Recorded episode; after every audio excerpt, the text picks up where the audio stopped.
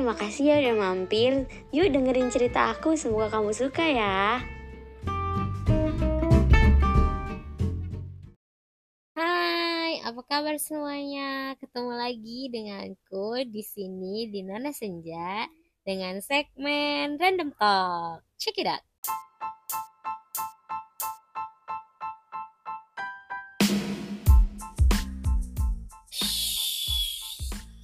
Ada apa nih? Yuk ngobrol yuk di Random Talk with Nana Senja.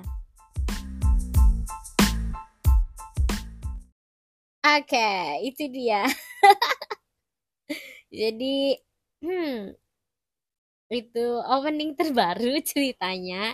Aku lagi mau buat uh, segmen-segmen gitu biar agak enak ya ngobrolnya, biar kayak uh, radio-radio profesional lainnya.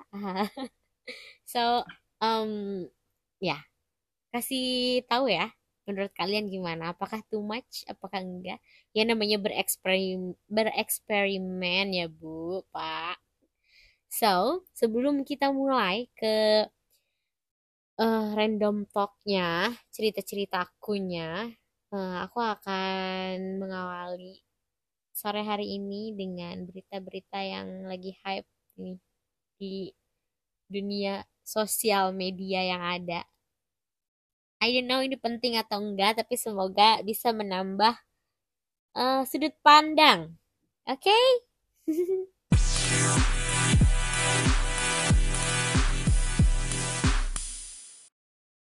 Oke, kita akan membawakan beberapa hal yang sedang rame di sosial media diperbincangkan.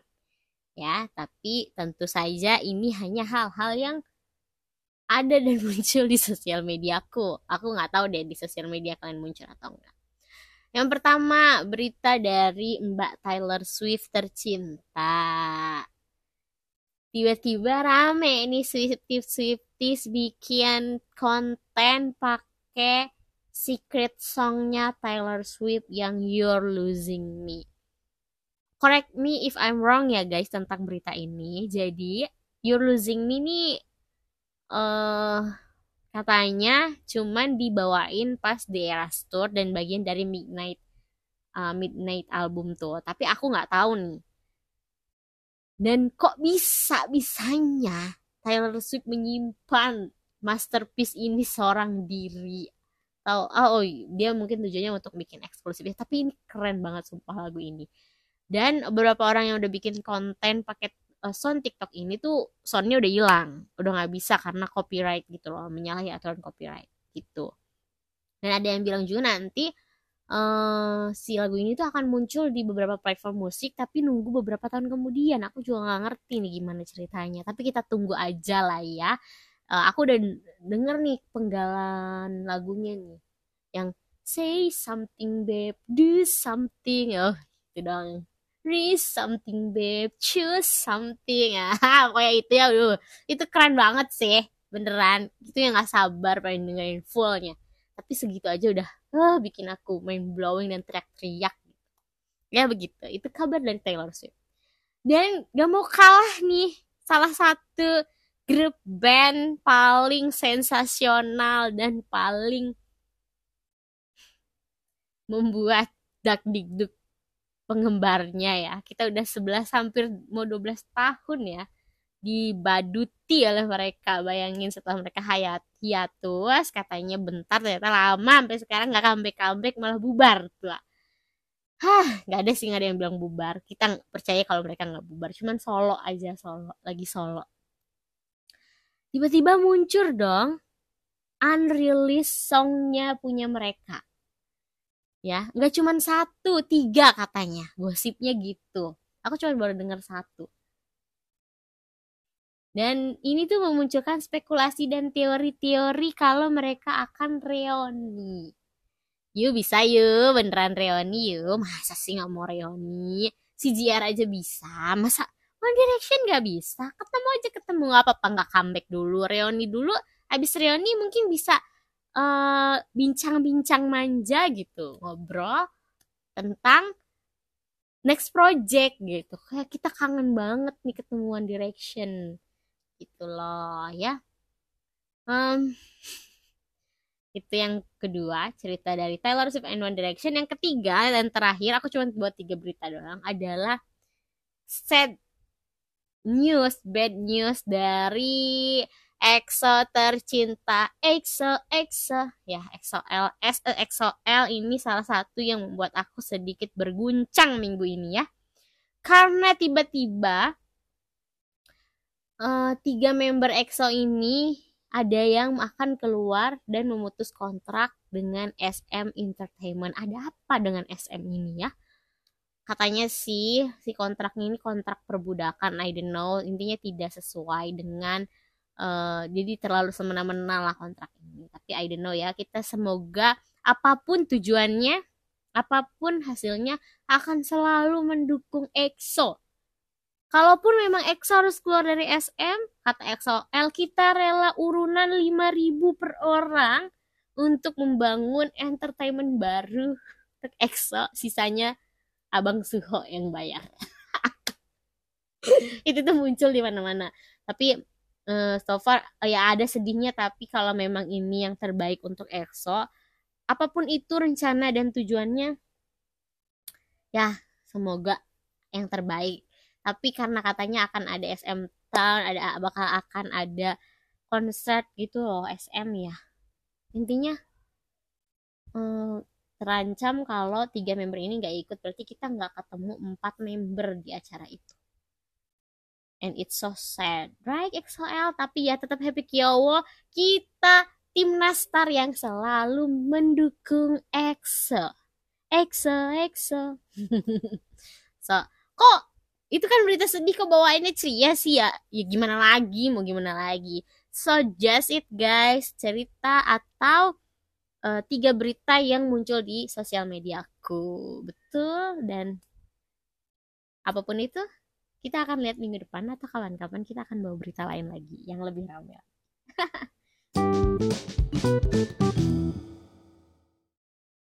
jadi hai um, aku baru bisa lanjutin konten ini beberapa hari setelah aku decide untuk bikin konten dan buat beberapa plot di konten ini. Kalau kalian ngedengernya, kok tadinya awalnya ceria tiba-tiba jadi suram gini, I'm sorry about that guys. Karena ada beberapa hal terjadi beberapa setelah beberapa hari dan I change the segment ya masih random talk tapi lebih ke suram aja sih. Jadi beberapa hari kemarin aku mengerjakan sesuatu of course instruction from my boss jadi ada instruksi dari bos dari atasan lah terus kemarin kebetulan hari Jumat libur aku punya beberapa energi yang cukup banyak untuk mengusulkan evaluasi dengan pengurus baru. Tujuannya apa ya? Tujuannya biar terbiasa aja setiap bulan ada evaluasi.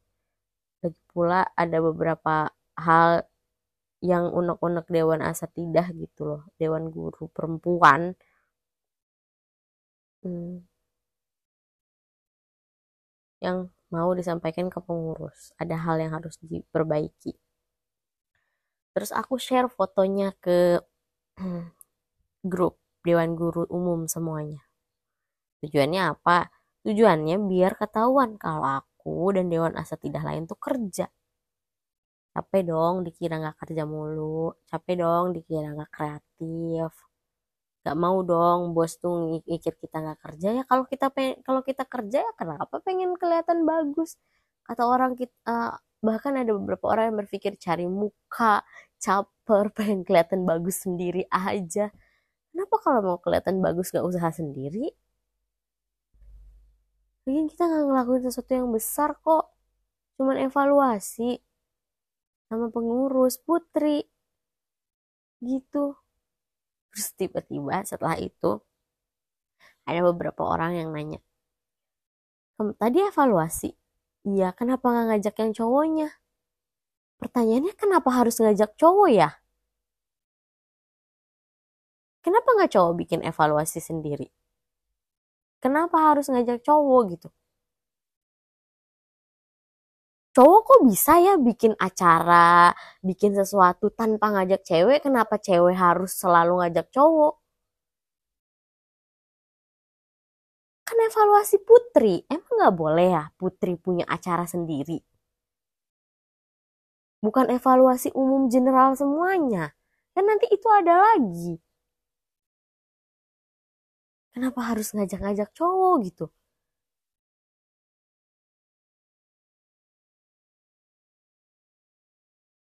Ya kenapa nggak cowok bikin aja evaluasi sendiri? Oh kenapa nggak ngasih tahu kalau cewek mau evaluasi? Kenapa ya segala sesuatu yang cewek lakukan tuh harus dikasih tahu ke cowok? Oh koordinasi, konfirmasi. Emang cowok pernah koordinasi konfirmasi ke cewek kalau ngelakuin sesuatu?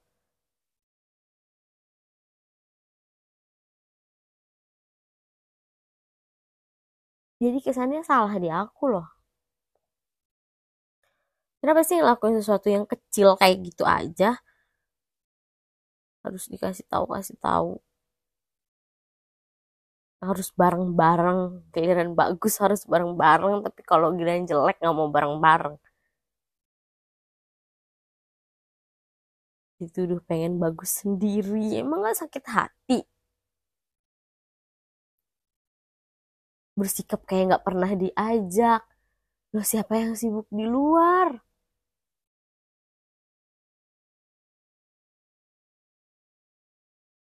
kayak tiba-tiba ngomong saya aja nggak tahu kapan tanggal wisuda lah sih kok anda nggak tahu pertanyaannya itu tuh dirapatin loh ada rapatnya ada loh undangan rapat dewan guru pas hari H juga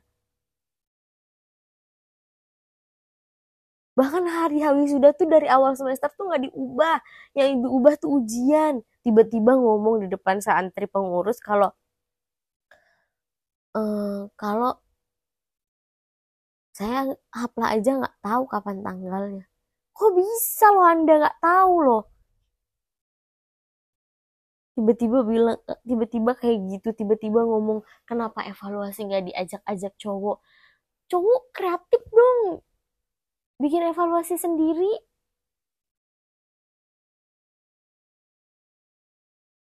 Capek loh, capek. Yang capek kerja tuh bukan dia aja saya juga capek kerja. Ya kenapa? Kalau misalnya saya capek kerja saya pengen kerja terus dilihat sama atasan kenapa? Nggak boleh. Nggak bakal tiba-tiba dinaikin jabatan atau dinaikin gaji nggak bakal. Nggak bakal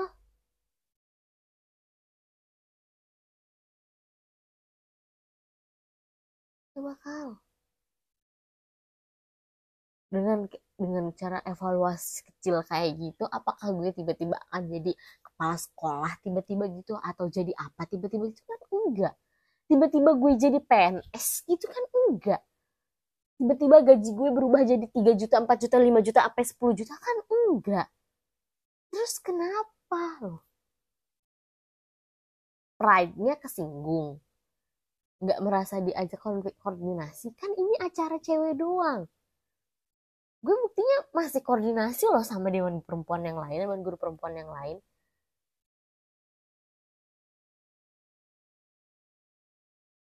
Kayak nggak habis pikir aja sakit hati.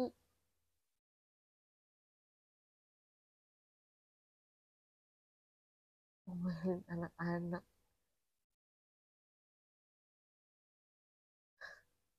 ada ya orang kayak gitu nggak ngerti lagi.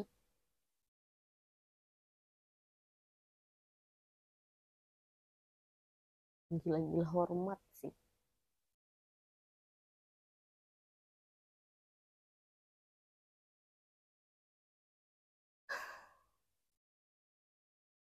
Pokoknya minggu ini beberapa minggu yang chaos aja deh. Sekarang lu tau gak gue ngapain gue ngumpet di kamar gue sendiri gue keluar dari grup-grup dewan guru bodo amat. Gue ngumpet terserah gue nggak mau lagi tuh ngurus-ngurusin kayak gitu. Jalan diem aja bilang nggak kreatif ngelakuin sesuatu. Nggak tahu etika nggak punya koordinasi konfirmasi. Sebenarnya mereka tahu nggak sih kalau tahu nggak sih perihal evaluasi internal tuh tahu nggak sih ngerti nggak sih bukan evaluasi general. Harusnya harusnya beliau tuh marah kalau misalnya tiba-tiba asatidah ngumpulin putri sama putra. Padahal kemarin ya waktu muker musyawarah kerja organisasi anak perempuan anak-anaknya semuanya. Ada satu program kerja yang putra tuh sama kayak putri. Dia jawab dia bilang apa coba ke bagian pengurus putra tuh udahlah ini mah putri-putri aja putra-putra aja. Berarti minta masing-masing dong. Ya udah dong saya kan ngurusin putri aja karena saya perempuan. Nggak ada tuh ngurusin putra saya bodo amat sama putra. Yang ngerti putra kan putra kenapa sih? Aiki dan Putri mau ngelakuin sesuatu sendiri nggak boleh. Nggak bisa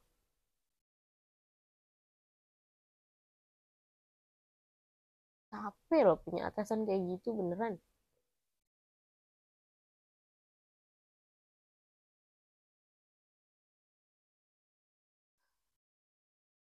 Serah lah